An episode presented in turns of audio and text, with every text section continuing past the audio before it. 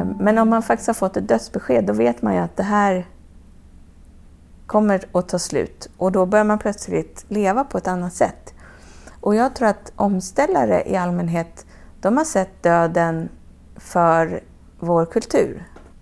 Och det gör att, det gör att livet blir faktiskt paradoxalt nog mer levande. Alltså man börjar uppskatta andra saker.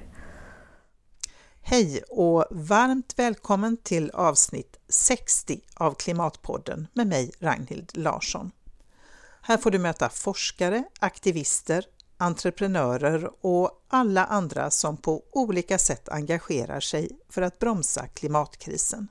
Dagens gäst är ekologen Pella Larsdotter Till som bland annat är väldigt aktiv i omställningsnätverket, men också i föreningen Lodin där hon arbetar med ekopsykologi och naturens rättigheter. Lodin är det fornnordiska namnet på jordens gudinna och arbetet är inriktat på att fördjupa människans relation till resten av naturen. Jag träffade Pella på hennes kontor en kall men solig dag i början av februari i Gustavsberg utanför Stockholm. Det blev ett samtal om naturens rättigheter, om yttre men också om inre omställning och om vikten av att kämpa tillsammans och hur livet faktiskt kan bli mer levande när vi blir mer medvetna om vår egen dödlighet. Pella pratar också om att vi inte kommer att få med oss politikerna om vi inte samtidigt skapar alternativet som det går att ställa om till och varför det inte räcker att stå utanför riksdagshuset och ropa på kavalleriet. Ja, som du säkert har märkt är Klimatpodden helt reklamfri och det vill jag förstås att den ska fortsätta vara. Så om du vill stötta arbetet med att göra Klimatpodden så är du väldigt välkommen att sätta in en valfri summa, stor eller liten, på Klimatpoddens eget Swish-konto 123 396 2974 Alltså 123 396 2974. Och tusen tack till alla er som valt att stötta Klimatpodden sen sist.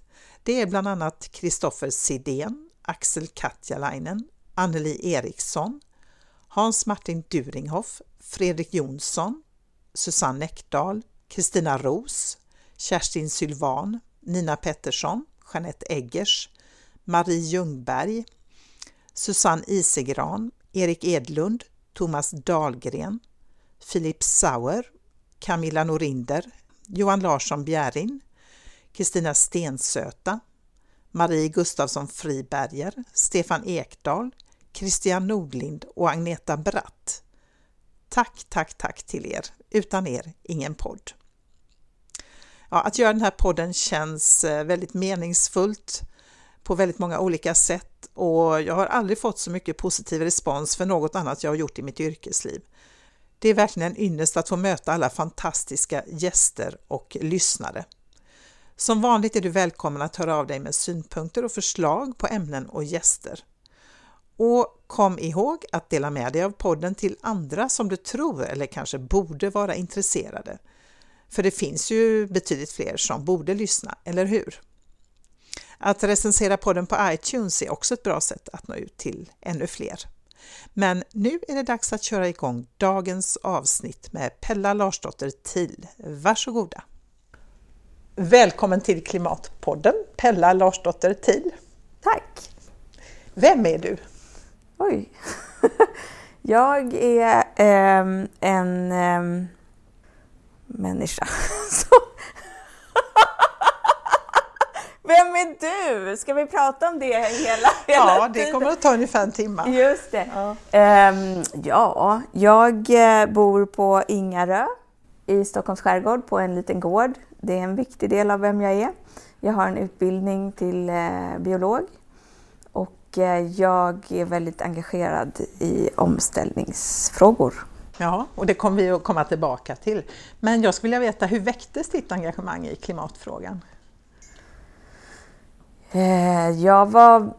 Jag fick några så här äh, uppenbarelser kan man säga. Jag jobbade som djurvårdare, var liksom min första utbildning och min första karriär. Så jag brydde mig väldigt mycket om djur som behandlar dem dåligt ofta, men också hur djuren i världen får mindre och mindre plats och hur vi liksom eh, tar, tar, död på deras livsmiljöer. Eh, och, sen så började jag läsa biologi och sen så var det, jag var väldigt engagerad runt millennieskiftet i globaliseringskritiken som var då. Och sen så kom jag väl på mer att ja, men det är miljöfrågor som är det som jag bryr mig mycket om. Så att jag har varit engagerad i miljörörelsen, framförallt Naturskyddsföreningen, jättelänge. Och så gjorde jag, jag jobbade sen som naturguide och natur, med naturvägledning. Och då gjorde jag en, en, natur, en så guidehandledning för klimatet. Så hur kan man berätta om klimatfrågor i naturen och hur kan vi se att klimatet förändras och hur kan vi liksom förstå den frågan när vi är ute? Och då läste jag väldigt mycket om klimatet och det här var väl, jag hade fått mitt andra barn då, det var 2008. Och eh, ja, förstod, förstod frågan på riktigt. Du insåg Så. att det var illa ställt? Ja, mm. precis. Mm. Eh, du är också då väldigt aktiv i omställningsrörelsen. Hur, hur började det engagemanget? Ehm, det var mm, med... Eh, alltså, efter att ha varit engagerad då i miljörörelsen många år så blev jag mer och mer frustrerad över vilka lösningar som, liksom, som fördes fram. För jag tyckte att de var liksom inte i paritet med problemet riktigt. Och det här gjorde mig mer och mer frustrerad. Och, eh, så hittade jag omställningsrörelsen och tyckte att okej, okay, men här, här, här, här är det på riktigt. Och jag var också med på en kurs i omställning där jag fick möta min egen, mina egna känslor för vad som händer i världen just nu. Och det var väldigt starkt för mig. Så jag fattade liksom att okej, okay, men det verkar vara det här, det här måste jag göra. Det är bara det här som gäller. Och vad är, om du skulle berätta för någon som inte alls är insatt, vad är omställningsrörelsen då? Omställningsrörelsen är en global rörelse som eh, jobbar med lokalt fokus på ja, men, våra samhällen, om vi ska ha en, eh, en hållbar kultur där vi kan leva i, i välmående för alla människor och i samspel och balans med naturen. Hur ska vi göra då? I ett samhälle som inte använder fossil energi och där vi kanske också en följd av det är att vi inte heller har en tillväxtekonomi. Hur, ska vi, hur gör vi då? Och då så tänker vi att det där behöver vi sätta igång och bygga upp sådana samhällen och egentligen börja igen med ja, men hur, hur bygger man hus i en sån situation? Hur producerar man mat? Hur ser en ekonomi ut i ett fossilfritt lokalsamhälle? Så det är många så spännande delar som ingår där. Och också en dimension som är väldigt viktig för mig och spännande, det är idén att men vi kan inte göra den yttre omställningen av system och strukturer om vi inte också gör en inre omställning av hur vi ser på världen och vilka vi är som människor och vad som är viktigt och sådär. Mm. Och det handlar väldigt mycket, om jag har förstått rätt, om att ta saken i egna händer. Mm att göra, inte vänta på att någon ska fatta något politiskt beslut eller så, eller påverka politikerna och så ska det liksom gå den vägen. Precis. Mm. Så hur lever du omställt idag då? Eller på vilket sätt märks det i ditt liv? Eh, alltså ett sätt som det märks är att jag jobbar bara med sådana här frågor. Det är den största omställningen som jag har gjort. Att jag, jag fokuserar på att göra sånt som jag tror är viktigt för omställningen oavsett egentligen om någon betalar för det eller inte. Eh, och sen så har jag menar jag har en fantastisk utgångspunkt för att jag har ju som sagt den här gården där jag bor och där vi försöker att tillsammans öka framförallt matproduktionen. Och vi har en liten omställningsgrupp också eh, Omställning Nordöstra Ingarö. Ja, ja, som är ett gäng människor som finns ja, på den platsen där vi träffas och pratar om hur vi kan göra saker bättre och hur vi gör tillsammans och hur vi mår också. Och sådär. Så det, det handlar mycket om, också om att göra tillsammans, att ja. göra det ihop, inte en och en? Precis. Mm. Eh, mycket av det som liksom behöver hända för ett hållbart samhälle, om vi ska kalla det så, bryter ju mot det här samhällets logik. Så, och det kan vara väldigt tröttsamt att vara, liksom verka i den riktningen om man är ensam. Så man behöver verkligen ha andra människor att spegla sig i och stärkas tillsammans med och sådär. Så att, och jobba ihop är någonting som vi verkligen tycker är viktigt. Mm. Hur, hur, stor är omställningsrörelsen i Sverige? Vet du det? Har du någon aning om det? Nej, det är, väldigt, det är väldigt svårt att säga. Eh, alltså, Omställningsnätverket som är den föreningen som jag jobbar med. Vi har väl en 250-300 medlemmar kanske. Men omställningsrörelsen är ju så mycket större. Och menar, det, den, man kan ju säga att den har pågått i flera decennier. Det är ju människor som har jobbat på det här sättet sedan 60-70-talet. Och det finns en massa omställningsinitiativ som liksom inte tänker att de är en del av den omställningsrörelse som jag jobbar med. Så att ja, den det är väldigt flytande gränser och väldigt självorganiserande mm. och måste nog vara det. Var, var, uppstår de största krockarna? Du säger det här att man går liksom emot samhällets eh, norm eller man ska säga om hur vi organiserar oss och ja, tillväxtsamhället tänker jag. Men var, var, uppnår, var uppstår de största krockarna skulle du säga? Ja, de, största, de, de mest spännande krockarna tycker jag är de här med liksom, vilken logik vi använder när vi tänker att vi ska ställa om. För jag möter ju väldigt mycket, tycker jag, i miljörörelsen det här att ja, men, vi ska jobba för hållbarhet för att det är liksom det smartaste man kan göra. Eller det är det som man gör om man är cool. Eller hållbarhet är det som vi kommer att tjäna på eh, i framtiden, så därför borde vi göra det. Det vill säga, det är fortfarande den här idén om att vi på något sätt är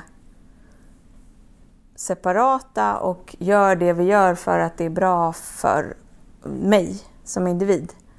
Att vi fortfarande inte riktigt liksom vill ingå i ett större sammanhang som är ett lokalsamhälle eller som är hela världen. Eh, utan man fokuserar väldigt mycket fortfarande på what's in it for me. Liksom. Och, ja, så det tycker jag är en stor krock och en väldigt spännande krock. Mm. Vad är, vad, är, vad, ska man säga, vad är det största problemet då med vårt sätt att leva idag? Vad är det som gör att det inte är hållbart skulle du säga? Ja, det, det tror jag är uppenbart för dina lyssnare. Men, ehm, men det som, som gör mig mest ont, det är ju hur vi... Alltså framförallt hur vi misshandlar naturen på ett systematiskt sätt. Liksom att hela ekonomin vilar på ett hela tiden ökande uttag av naturresurser som, som håller på att ta död på ekosystemen. Men också det här med hur vi hur vi liksom förminskar oss. och det har ju att göra med den förra frågan, så här, hur vi förminskar oss och hur vi förminskar varandra och tänker att vi behöver konkurrera med varann till exempel. Och att vi har en idé om att det finns en brist. Så att vi måste kapa åt oss så mycket som möjligt för att annars så kommer det nog inte att funka så bra eh, för oss. Samtidigt som vi lever ju i ett enormt överflöd. Som man kan, alltså bara jag under mitt liv kan ju se att min mormor till exempel som var en, eh, hon var ju well off, liksom, överklass sådär. Men de, de resurserna som hon hade tillgång till när hon växte upp var ju mycket, mycket mindre än vad de som jag har tillgång till idag. Vi alla vi lever som kungar och ändå så har vi någon slags föreställning om att, ja, att vi måste kämpa så mycket för att, för att det inte ska gå dåligt. Och det där tycker jag är så djupt, djupt sorgligt. Och när du säger kämpa, du menar jobba mer och tjäna mer? Och... Ja, och, och tävla med varann och var oroliga för att jag nog inte räcker till. Jag räcker inte till och jag kommer inte att få det jag behöver och sådär. Och det är ju... det är någonting som också är så inbyggt i ekonomin. En, det, är en sorg, det är en annan sorglig aspekt av tillväxtekonomin, att vi, vi skapar pengar som skulder och det innebär ju per definition att skulderna alltid kommer vara större, att vi alltid måste jaga. Men det är ju bara en, liksom, det är bara en idé. Och det är en väldigt skadlig idé. Mm. Ser du tecken på att vi eh, håller på att gå i riktning mot något omställt samhälle? Att vi håller på att förändra liksom, hur samhället ser ut? Under den tiden du har hållit på tänker ja, jag, jo, men, ja, visst, verkligen. Jo, framförallt eh, idémässigt faktiskt. För att när jag började tänka på sånt här, då handlade det mycket om hållbarhet. Eh, och det gör det ju fortfarande. Och man kan säga att omställningsrörelsen föddes i en slags kritik mot hållbarhetstänkandet. Att okej, okay, men vad är det vi vill ha hållbart? Är det verkligen det industriella tillväxtsamhället som ska vara hållbart? Det tror inte vi kommer vara möjligt. Och då började omställningsrörelsen istället prata om resiliens.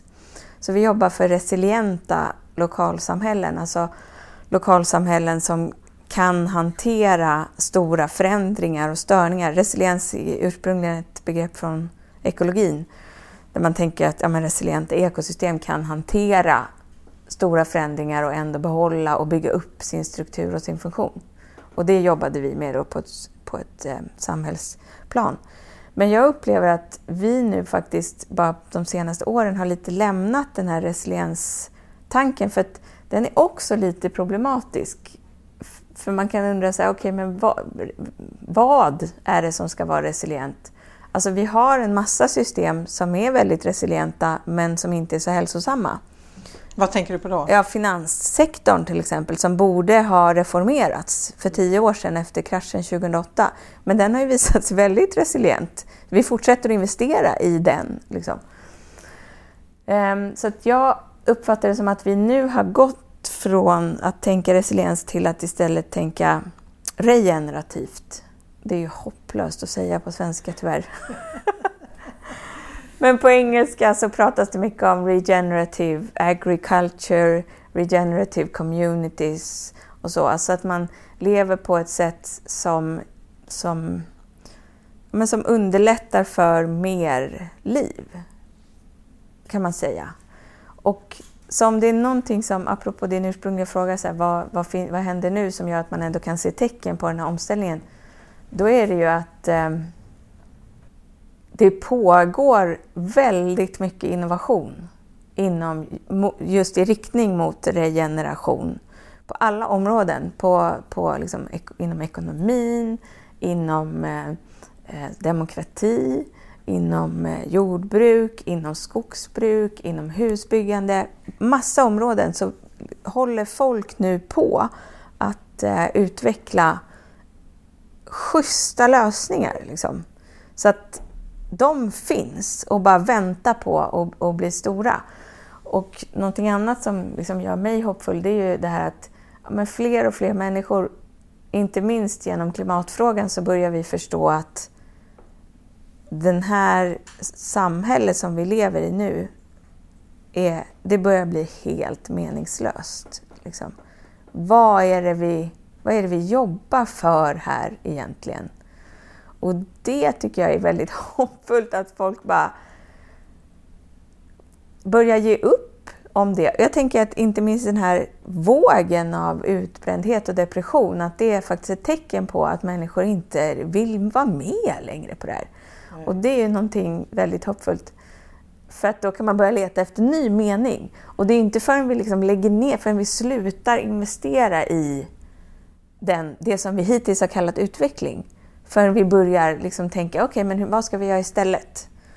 Eh, och då som sagt så finns det redan en massa grejer som vi skulle kunna börja med. Istället som idag inte är, apropå det du sa förut, så här, vad, är det, vad är det mest slitsamma med att vara omställare? Ja, men det kan ju vara att så fort du vill göra någonting som inte leder till det som vi kallar utveckling i det här samhället, alltså som inte leder till tillväxt till exempel, då får du inga resurser.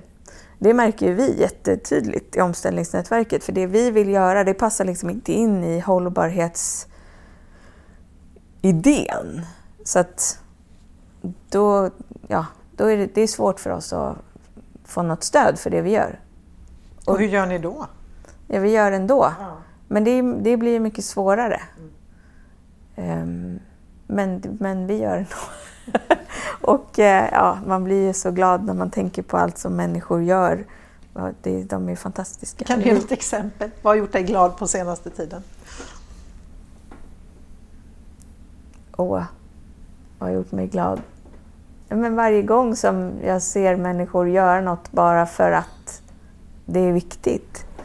Eh, utan att liksom tänka på vad man ska eventuellt kunna tjäna på det eller så. Det, det, det ser jag ju hela tiden. Vad skulle du säga, hur ser en typisk omställare ut? Är du en typisk representant för omställare? Nej, men jag vet inte om vi... Jag tänker... Låter som jag pratar så här, marsmänniskor eller något. Ja men eller hur! Nej men det är vanliga. Vi är van... Folk är helt olika också. Eh, men någonting som Någonting som jag ändå förknippar med omställare är eh, dels att det är, människor, det är fritänkare. Mm. Liksom, som, som tänker ganska vitt och brett och djupt framförallt på var vi befinner oss, vad som är möjligt nu och som har också en, en förmåga att släppa saker som verkar annars självklara. Och jag har en favorittanke om omställare faktiskt som jag gärna ska dela. För att jag har funderat över, på, på, ett sätt så värjer jag mig lite mot den där tanken som du sa nu, ja, men hur ser en typisk omställare ut? Så tänker jag, nej men det kan ju vara det är vem som helst. Vem som helst. Ja. Och det är inte riktigt sant faktiskt. Utan det är, man kan ändå känna igen en omställare. Det är som att det är en, en speciell tribe. Oavsett var någonstans man är i världen så kan man hitta omställare och så bara Direkt vet man var man har varandra. Och det där har jag funderat över vad det är för någonting. Och jag, jag tror att det har med döden att göra. Intressant. Eller hur? För att jag, jag kan inte säga, jag har inte haft så mycket död i mitt liv, men jag tänker att när man konfronteras med döden, sin egen död kanske, eh, att man får en... Eh, eller det kan hända att man får en upplevelse av att livet blir mer levande i ljuset av döden. Att man liksom verkligen förstår att det här kommer att ta slut. De flesta av oss liksom har, vet, vi har den informationen men vi kanske inte har den förståelsen. Liksom. Vi har inte tänkt på det. Vi kanske värjer oss mot det också. Eh, men om man faktiskt har fått ett dödsbesked då vet man ju att det här kommer att ta slut och då börjar man plötsligt leva på ett annat sätt. Och jag tror att omställare i allmänhet, de har sett döden för vår kultur. Och det gör att det gör att livet blir faktiskt paradoxalt nog mer levande. Alltså man börjar uppskatta andra saker. Och um, om man tänker på, någon, man tänker på det här med hopp, till exempel, som man ofta får höra om man ska prata om de här svåra frågorna kring klimatet. Så bara, ja, men man måste ändå så här, man måste förmedla hopp. Det måste finnas hopp. Annars ger folk upp och gör ingenting och tittar åt andra hållet och så där. Och då tänker jag att det som vi gör, det är att vi har tappat hoppet om den här kulturen, om det här samhället.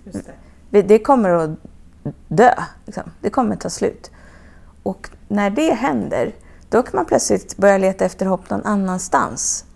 Och det är någonting som alla omställare har, tror jag. Ett ganska stort och starkt hopp om någonting annat som vi då jobbar på olika sätt med att skapa. Mm. Det är spännande. Ehm, men jag tänker, har du någon vision då av eh, det omställda samhället, hur det ser ut? Alltså har du bilder, det kan ju vara någon liten konkret bild eller någon större bild.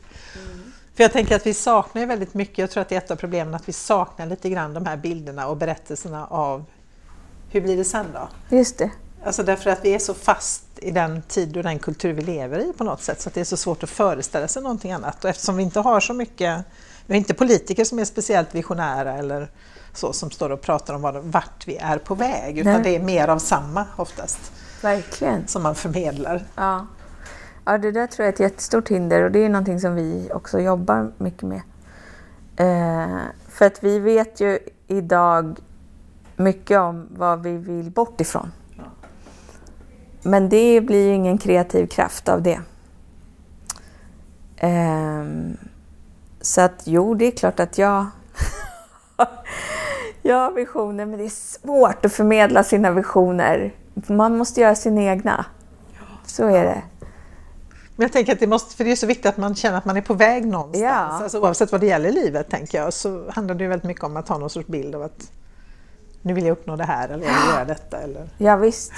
Ja, och, och jag tror ju på, jag tror ju på riktigt på att vi kan göra någonting som är bättre och vackrare och mer hälsosamt än vad vi har idag. För att vi har ju en, vi har offrat också väldigt mycket på, på det här samhället. Alltså vi har offrat framförallt kanske tid för relationer med varandra och med annat levande och kanske mest med oss själva. Jag, jag tycker vi är rätt så vilsna. Verkligen. Ja, för ibland får man då framstå som att vi ska offra så väldigt mycket, vi ska avstå från så väldigt mycket, från Thailandsresan och allt vad det nu är. Men det är ju, det är ju inte som att vi lever i den bästa av världar. Jag menar, psykiska ohälsan har aldrig varit högre till exempel. Nej. Precis. Du har ju också kurser i inre omställning. Kan du berätta lite, vad handlar det om? Vad är inre omställning? Inre omställning kan förstås på många olika sätt. Ehm, en dimension av det är ju det här med hur, hur, tar vi hand om oss själva som förändringsagenter och hur tar vi hand om varandra så att vi mår bra när vi försöker göra någonting som ibland, ofta verkar omöjligt. Ju. Ehm, men det som jag jobbar mest med det är nog ehm, hur en annan syn på världen är möjlig och och eh, gör, gör, också hjälper oss som förändringsagenter. Det här med att ja, men om, du, om, vi, om vi är i ett levande sammanhang som är komplext och oförutsägbart, då kan ju också det oväntade hända och händer hela tiden. Och vad betyder det? Så här, hur kan man samverka med den komplexiteten istället för att försöka liksom, påverka den och trycka, trycka ut en eh, modell för förändring som man gillar? Ja, det där kanske blev lite otydligt. Men, men om vi säger så här, om jag anmäler mig till en eh, kurs hos dig i inre omställning, mm. hur länge pågår den? Nej, men det vet jag inte, för jag, vet, jag har nog inte sådana kurser riktigt. Det händer att jag gör grejer som har att göra med eh, aktivt hopp som är ett sätt vi ramar in den inre omställningsarbetet. Men jag har faktiskt inte haft någon renodlad kurs i inre omställning. Däremot jobbar jag med ekopsykologi som är inre omställning kan man säga. Ja. Och där vi jobbar med relationen till naturen. Och till naturen i oss själva också. Um, och, mm. Och vad ekopsykologi, berätta mer. Vad gör, vad gör man då? då? vad gör man? vad gör man, då? Man, eh, man undersöker sin relation till naturen och till det vilda. Mm. Um, utifrån en idé om att det, den kultur som vi har, den jobbar väldigt mycket med domesticering. Så att vi vill gärna kontrollera och dominera naturen och vi skapar om ekosystemen för att vi ska kunna dominera och kontrollera dem. Tänk på jordbruket till exempel. Vi liksom ritar in landskapet i fyrkanter. Eh, skogsbruket där vi gör, istället för levande skogar så har vi plantager. Och vi domesticerar också oss själva. Um, och det där jobbar vi med då. På vilket sätt domesticerar vi oss själva? Ja, men vi, vi är jättedåliga på att lyssna på våra verkliga behov till exempel. Vi um, ramar in oss i eh, mallar som är väldigt, väldigt trånga och går, går med på det, gör det tills vi blir sjuka så att vi inte kan göra det längre. Just det. Ja, men det där, ja, och, och då, så en del, en dimension av det jobbet i ekopsykologi, det är också så här att okej, okay, men om man jobbar utifrån en sån utgångspunkt och så är man i ett samhälle som är som vårat, då har man också en slags eh, eh, plikt, tänkte jag säga, men det är inte en plikt, men man får ett behov av att förändra, att handla utifrån det man vet och det man ser omkring sig. Så det är en del av det vi jobbar med också, det här med okej, okay, men hur, är man, hur agerar man då? Eh, vi kallar det för aktivismens inre dimension. Att, att verkligen agera systemiskt för systemförändring istället för ganska mycket av liksom, miljöarbetet som pågår nu, det är en reaktion på någonting som man uppfattar är fel. Och det kan vara jätteviktigt, men det bidrar kanske inte till systemförändring. Nej, just det. Mm. Jag har ju intervjuat Eva Sanner också. Mm. Eh, två gånger faktiskt. Mm. och nu senast om hennes bok Naturens hemlighet som ju verkligen handlar om relationen till naturen. Så det är väldigt spännande tycker jag. Den föddes ju kan man säga på vår utbildning i ekopsykologi. Ja, det var så. Ja. ja. Se där, mm. allt hänger ihop. Eller hur?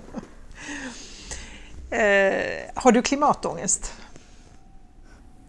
Nej jag, nej, jag skulle inte kalla det för ångest faktiskt. Alltså jag har liksom försonats med min klimatångest eh, på samma sätt som man gör om man, eller som man kan göra om man får ett dödsbesked.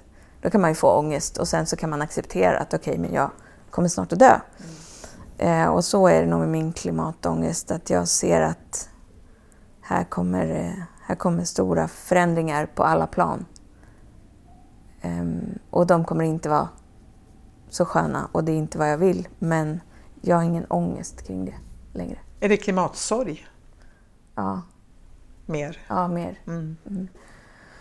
Det här med ekopsykologi och du pratar ju också om naturens rättigheter. Eh, det är någonting som kommer mer och mer, att naturen skulle ha egna rättigheter. Varför är det viktigt att tänka på att natur, alltså varför är det viktigt att ha det perspektivet? Alltså vad innebär det att en flod till exempel har en rättighet? Har den det? Eller en, ett hav eller en skog? Eller? Det är klart den har. Och det vet ju de flesta av oss att, att det inte bara är människor som har rätt att existera utan allt liv har det. Men eh, vi, har en, vi har ett grundläggande antagande i vår kultur som formar väldigt mycket av det vi gör och våra institutioner och vår politik och vår ekonomi och så. Som går ut på att människor är separata från naturen och har rätt att dominera och kontrollera den. Så människan är alltings mått och allt annat är egentligen en resurs för oss och för vårt välstånd. Och eh, det där det, det, är otro, det är väldigt, väldigt gamla tankar. Alltså det går tillbaks till Aristoteles och de gamla grekerna. Det finns också i kristendomen såklart, där människan skapades till Guds avbild med uppgift att, att eh, härska över allt annat liv. Och det behölls också sen, så det är en bärande tanke i, inom vetenskapen. Så under upplysningstiden när vetenskapen började liksom ta reda på hur skapelsen fungerade. Då var ju det utifrån idén att vi skulle bättre och mer effektivt använda skapelsen för vår egen utveckling. Um, och det är därför den tanken är så intressant för mig, för att jag tror att vi behöver gå så djupt för att bygga en, en, en hälsosam kultur. Vi behöver liksom verkligen tänka om grund, en grundläggande förståelse. För att gör vi inte det, och särskilt när vi har tillgång till den här väldigt kraftfulla fossila energin, så det finns liksom inget stopp för vår exploatering av annat liv. Det finns ingenting som tar emot där. Um, och det är det som naturens rättigheter vill åstadkomma, att se att ja, men det, vi måste balansera våra mänskliga behov med behoven hos annat liv. Um, vi måste kanske sluta prata om att vi ska förvalta naturen och istället börja förvalta oss själva i relation till annat levande. Så det där är en väldigt spännande idé för att den är um, både otroligt konkret. Liksom. Vi, kan, vi kan föra in det, vi kan göra lagar nu som säger att en flod har rättigheter till exempel. Och det händer helt, det är fascinerande bara. Jag har jobbat med det här nu i vadå, sex, sju år kanske. Och eh, under den tiden så kommer det nya beslut hela tiden. Bara förra veckan fick Bangladeshs första flod rättigheter att existera. Eh, så att väldigt konkret och görbar samtidigt som den, den bidrar till ett skifte hur, hur vi uppfattar världen och vår roll mm. i den. Men vad innebär det då att den här floden i eh, Bangladesh sa att den har rättigheter? Vad, mm. Rent konkret, ja, vad det, kan man inte längre göra? Då? Just det, det skulle jag säga att det vet vi inte riktigt ännu. För att det är så här är det ju med lagar, att man för in en lag och sen så, så blir det praxis. Um, men det som det innebär är att floden kan själv representeras i våra juridiska system. Så att vi, vi säger att ja, men den här floden har rätt att existera, den har intressen och vi behöver liksom, eh, ta hänsyn till de intressena på något sätt.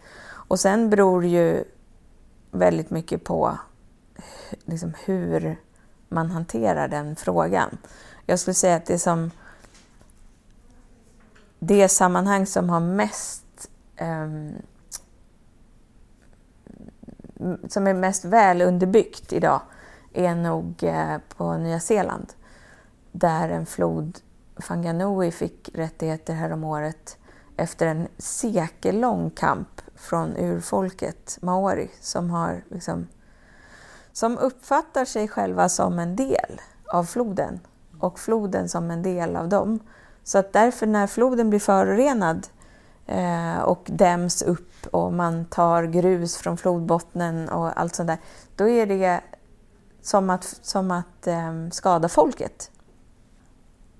Så att de, under hela 1900-talet så gick de till domstol och, och, och liksom försökte hävda flodens rätt men det, det gick inte för att det fanns liksom inge, fanns ingenting att hävda där eftersom floden är en resurs.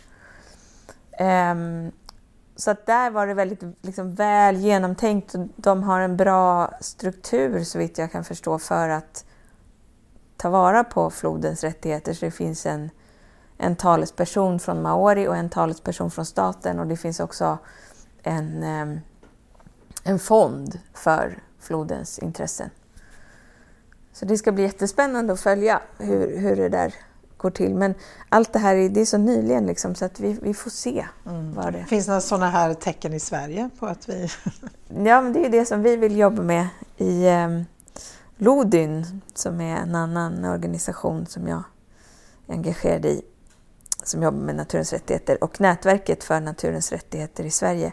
Vi kommer att jobba med Vättern som rättssubjekt och nu tror jag, som sagt, det tog mer än hundra år i Nya Zeeland och eh, det känns inte som att det riktigt finns på kartan att sätta naturens rättigheter i lagstiftning i Sverige i brårasket.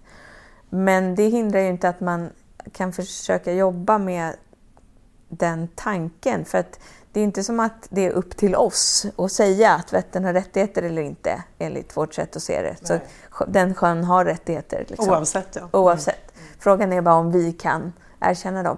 Och Vättern är intressant för att dels så är den en dricksvattentäkt för nästan 300 000 människor och antagligen många fler i framtiden med tanke på hur klimatet förändras. Även eh, i Europa tittar man på Vättern som är viktig dricksvattentäkt. Och samtidigt så pågår ju både gruvprojekt, flera stycken runt Vättern, plus att försvaret provskjuter systematiskt i den här sjön och vill också öka. Och jag tror alldeles nyligen fick eh, tillstånd att öka sin, sin skjutning. Så om man tänker på Vättern som en juridisk person så är det en person som vi regelmässigt skjuter. Ja, det verkar väldigt absurt. Eller hur? Ja. Eh, och det finns många, många människor som är engagerade för att skydda Vättern och för dem, precis som för många som är engagerade i att skydda miljön, så blir det väldigt mycket fråga om att säga nej till skada. Och det är ju väldigt slitsamt att göra det. Så att det som vi hoppas med naturens rättigheter, eller Vätterns rättigheter, det är att, ehm, att det blir just en vision, någonting att jobba för. Alltså vi jobbar för att Vätterns rättigheter ska, ska respekteras. Um, så det ska bli jättespännande att se vad som händer med det. Verkligen.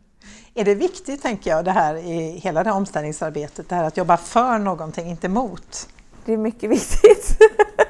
Varför är det så Just, viktigt då? Ja, men det, därför att det ger en helt annan energi. Um, så vi, vi har ju en sägning, vi, vi vill hellre jobba med fest än protest. Um, och det handlar också om att det är svårt att protestera mot någonting om man inte samtidigt, alltså som vi var inne på, om man inte samtidigt har någonstans man vill, om man inte har någon riktning man jobbar åt. Om inte den är tydlig och samtidigt som det inte är jättemycket som man måste protestera mot, då, då det är väldigt lätt att bli utbränd då. Så att det är ju en eh, strategi som vi har. Så Extinction Rebellion, den här nya rörelsen som använder civil olydnad som metod, det är inget för dig? Nej, det är nog inte det faktiskt för mig personligen. Jag, jag tycker att den är viktig och eh, jag blir glad av den. Men eh, jag, jag tror... Alltså, det, vi jobb, det är ju inte så att vi är naiva. Så här. Det är inte så att vi tror att det inte behövs protest. För det gör det. Det behövs att människor står i vägen nu. Ehm, och det som vi tänker är att det räcker inte på långa vägar. Vi kommer inte att kunna få politiker att ställa om om vi inte samtidigt skapar alternativet som går att ställa om till. Så svårt är det ju. Så att det, liksom, det hjälper inte riktigt att eller hjälper gör det nog, det tror jag verkligen att det gör. Men det räcker inte att vi står utanför riksdagshus och kommunhus och säger så här, hallå politiker, ni måste ropa på kavalleriet nu för nu är det kris. Eh, kalla ut kavalleriet. Men om det inte finns något kavalleri, ja, då spelar inte det någon roll. Liksom. Om kavalleriet är vi, mm. då då får vi nog tänka oss att vi också, faktiskt också måste göra mer. Paradoxalt nog alltså, så är det så. Joe Scranton, den här författaren då som jag intervjuat, som är väldigt dystopisk och eh, pessimistisk, han säger det kommer inget kavalleri, det finns. Det ja, finns. Han, han jobbar också med kavalleriet. Ja, det var därför jag kom att tänka på det. Okay. Han sa just det, there will be no cavalry, det kommer Nej. liksom inget att vänta, det kan vi stå där och vänta på men... Ja men för he, alltså hela det här samhällssystemet som vi har, vår ekonomi, vår politik, vår juridik, vårt utbildningsväsende, allt det är ju format i en tid av fossildriven tillväxt. Det är väldigt svårt att tänka sig att det systemet ska kunna göra om sig själv. Även om man vill att det ska göra det. Jag vill verkligen det ju. Men jag tror inte att det kan. Eh, jag tror att liksom, ju mer tillväxtens slut visar sig, desto mer gula västar kommer det att vara på gatorna. Helt förståeligt. Så att jag, jag har faktiskt... Um, vågar man säga det här offentligt här nu i din podd? Men jag tänkte om man ska ha en politisk agenda idag, en omställningsagenda, då måste den agendan utgå ifrån faktiskt behoven hos de som jag tror idag röstar på Sverigedemokraterna. deras behov måste man försöka tillfredsställa på ett sätt som också tar hänsyn till alla varelsers behov. Mm. Vad är det för behov då? Vi pratade om mening förut. Det är ju ett, ett grundläggande behov. Men här kommer det också handla om en kanske ännu mer grundläggande behov av värme och mat. Tror jag. Nej men det här, det här är bara, det är kanske en väldigt grundanalys. Men jag tror att många av dem som röstar på Sverigedemokraterna idag, det är mycket unga män i samhällen där tillväxten redan har upphört. Eh, och de får inga jobb och ingen behöver dem. Och samtidigt så får de höra att ja, men det, går bra, det går bra för Sverige. Liksom. Det, går, det går jättebra, vi har en bra tillväxt och vi leder ligan på en massa områden och så. Men de märker inte det. Nej, det blir väldigt absurt. Mm. Precis. Mm. Eh, och ja, jag tror inte att det kommer gå så jättebra så länge till. Och då är frågan om vad vi gör då. Och jag ser inte att några politiska partier idag har svar på den frågan. Och då måste vi nog själva svara på den. Ser du mer och mer tendenser till det, att folk tar saken i egna händer och agerar? Lite som ni gör, tänker jag, i omställningsrörelsen. Eh, jag vet inte faktiskt, ärligt talat. Jag skulle vilja se ännu mer. ja. mm. För så kan man ju tänka om man blir liksom, tänker att nu går det åt skogen med allt. Att jag, vad behöver jag då? Vad behöver jag i det samhället? Ja, då behöver jag kanske just kunna odla själv. Jag behöver kanske kunna värma upp mitt hus, min, mm. mitt boende på något sätt. Liksom. Inte vara beroende av de här stora systemen och så. Mm. Som är väldigt sårbara. Mm. Men vad tror du krävs då för att få människor på allvar att vakna upp? För det känns som att vi har fått så många nu indikationer på att går åt fel håll och vi hade den här jättevarma sommaren förra sommaren och det kommer kanske en ny lika varm eller ännu varmare sommar. Mm. Och ändå händer det ju förhållandevis lite. Mm. Nej, jag tror att det krävs att vi verkligen förstår att det inte går. Alltså att vi märker det genom att det till exempel inte finns mat i affären. Ja, eller så. Eh, och de flesta av oss har inte märkt det, men bönderna har ju märkt det. Eh, de, för många av dem är det ju frågan om det ens går att fortsätta. Men eftersom vi lever i en globaliserad ekonomi så tar det ett tag innan vi också förstår det. Alltså vi kan ju vi kan ha, igen, så här, vi kan ha den informationen. Men vi förstår det inte förrän det faktiskt på något sätt märks i vårt eget liv. Du är engagerad på jättemånga olika sätt då och jag undrar vad är det som driver dig? Vad är det som eh, gör att du håller på? Ja, men det är ju kärleken till naturen och till livet och eh, också alla fantastiska människor som jag möter och får jobba med. Eh, apropå det där med att man att saker också... Jag menar att jag tror att det saker och ting kan bli bättre. Alltså för mig har de ju blivit det faktiskt. Jag har väldigt mycket mindre inkomster än vad jag hade förut. Men jag har aldrig haft så roligt. Jag har aldrig lärt mig så mycket som, som omställare. Så ja, det har varit väldigt värt.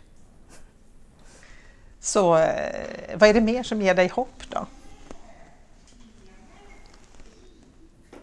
Det är ju eh, alltså, eh, vetskapen om det som jag pratade om förut, det här med att det finns så himla mycket bra lösningar som funkar. Ehm, och som bara, som bara väntar på att komma ut, liksom, att användas det ger ju mig jättemycket hopp att vi har knappt börjat. Vi har inte försökt. Liksom. Vad kan det vara för lösning? Kan du ge något exempel? Nej, men som alla de som börjar jobba med, med att eh, återskapa landskap till exempel. Eh, som, som jobbar med att ja, bygga upp jord, eh, restaurera skogar och man ser att ja, men livet återvänder. Liksom. Så fort vi börjar samarbeta med naturen så, så börjar det hända saker. Så att, eh, ja, det är det som är stor potential. Vad får dig att tappa hoppet då? Vad får mig att tappa hoppet? Eller känna att det är kört. Jag har ju intervjuat Joe Scranton då, så jag Ja, är just påverkad av honom. Just det. Som är väldigt då som sagt, eh, ja han har ju inställningen att allt är kört. Så att, ja. Eller kanske han uttrycker sig inte så, han säger vår civilisation kommer att gå under, så är det bara och eh, vi får skapa den mening Eh, vi behöver själva, alltså på egen hand. Eh, då, det är upp till oss. Eh, men eh, han har inte så stora förhoppningar om att vi kommer att kunna ställa om eller fixa det här. Nej. Nej, men jag håller med honom helt och fullt. Alltså, vår civilisation kommer att gå under. Men det innebär ju inte slutet på livet. Eh, det, det är en massa saker som, som kommer att bli omöjliga, men det är också en massa saker som kommer att bli möjliga. Men det som får mig att liksom känna mig uppgiven sådär, det är ju när jag tänker på allt som, allt som kommer att gå under ehm, och hur ont det kommer göra, hur många människor som kommer att bli lidande och dö. För det ser jag som svårt att undvika. Liksom. Det blir ingen liksom, mjuk övergång till något Nej, annat. nej, det tror jag inte. Just det. Det är ju spännande också det här tycker jag, du säger att du arbetar med värderingar, alltså det här vad vi tycker är viktigt i livet och så. Eh, kan du utveckla det lite? Vad menar du då? Ehm, det är spännande med värderingar för att de, de eh, styr väldigt mycket av det vi gör, visar det sig. Både små beslut och stora beslut tar vi med hjälp av våra värderingar. Det vi tycker är viktigt och normalt och värdefullt och sådär. Bra och dåligt. Eh, men samtidigt så är det fascinerande hur, hur få människor det är som reflekterar över sina värderingar, som faktiskt vet vad de själva tycker är viktigt och inte viktigt. Och när man börjar göra det så kan det hända alla möjliga spännande saker. och det visar sig att det där som man, som man pysslar med i sitt dagliga liv faktiskt inte alls stämmer med det man egentligen tyckte var viktigt. Så där finns också en så djup eh, källa till omställning faktiskt. Vad kan det vara? Kan du ge något exempel? Har du själv ändrat på något sätt dina värderingar? Nej, men jag har nog fått syn på dem. Ja, Alltså det var det som, som hände när jag gick på omställningskurs och plötsligt märkte att hur starkt jag kände inför vad som händer i världen. Det vill säga hur viktigt det var för mig. Jag visste inte att det var viktigt för att jag hade liksom inte känt det. Men när jag kände det så gick det ju inte att ta bort. Det var ju sant eftersom jag liksom upplevde det. Så ganska ofta så reagerar vi ju på saker som sagt så här, som händer. Men utan förankring i vad vi egentligen själva vill. Och vi, det är så otroligt mycket budskap som riktas till oss nu. Så mycket information. Ehm, så att det är väldigt lätt att gå vilse i det där och bara flyta med och just reagera. Men om man har en förankring i sina egna värderingar, vad man själv tycker är viktigt, då kan man ju mera styra det och faktiskt göra sin egen väg istället för att gå på all... Det finns väldigt många upptrampade vägar, men kanske är det helt nya stigar som behöver gås. Men de kommer man inte gå om man inte liksom vet var man är på väg. nej. Och hur får man syn på sina egna värderingar då? Har du något bra tips om man nu vill börja Ja. tänka på det ja. Ehm, det finns en, en ehm, forskare, en amerikan, Tim Kasser, han har skrivit väldigt mycket om värderingar. Och han föreslår att ja, men en bra andlig praktik, det är att varje dag reflektera kring sin egen död. Apropå döden igen. Ja. Mm. Eh, Det kan vara ett sätt. Annars så brukar jag, när jag har workshops och så om värderingar, så brukar jag helt enkelt bara be folk reflektera över vad som är viktigt för dem och berätta det för varandra. Och så enkelt kan det vara faktiskt. Och det skulle jag säga, så här, det, det är en helt... eh, Det, det kan medföra väldigt stora förändringar om man varje dag tar tre minuter och bara funderar över vad är viktigt för mig just nu. Och det förändras ju också hela tiden. Men om man inte liksom reflekterar över det, då, ja, då, då får man göra vad alla andra tycker är viktigt. Eh, och vi är, så, det är så, vi är på väg hela tiden. Liksom. Det är väldigt mycket som ska göras hela tiden. Eh, så att vi har inte så mycket tid att reflektera. Så det blir lite styrande då för vilka beslut man tar och vilken väg man tar i livet? Då. Mm. Precis. Och eftersom vi kollektivt behöver ta helt andra vägar än vad vi kanske tänkte att vi skulle behöva göra så är det ett stort behov för samhället också att fler och fler faktiskt gör det. Om man nu lyssnar på det här till sist och tänker att det här med omställning verkar jättespännande. Jag vill bli en omställare. Ja. Vad ska man göra då? Ja, vad ska man göra? Eh, man kan börja med att se sig omkring. Vad finns där jag är någonstans? Finns det andra som håller på med det här? Kan jag ta kontakt med dem? Ehm, de flesta som håller på med omställning, det, det är ju det bästa de vet när någon hör av sig och säger hej, jag vill vara med. Ehm, man kan bli medlem i omställningsnätverket på omställning.net. Ehm, man kan gå en omställningskurs. Vi, vi, brukar ha kurser som är två dagar och de kan jag verkligen rekommendera. Man kan arrangera en omställningskurs, samla fler och eh, höra av sig till oss så kommer det kursledning. Um, ja, man kan lajka oss på Facebook. Ja, det är en bra början. bra tips! Tack så jättemycket för att jag fick sitta här nere och prata med dig en stund. Tack, vad fint.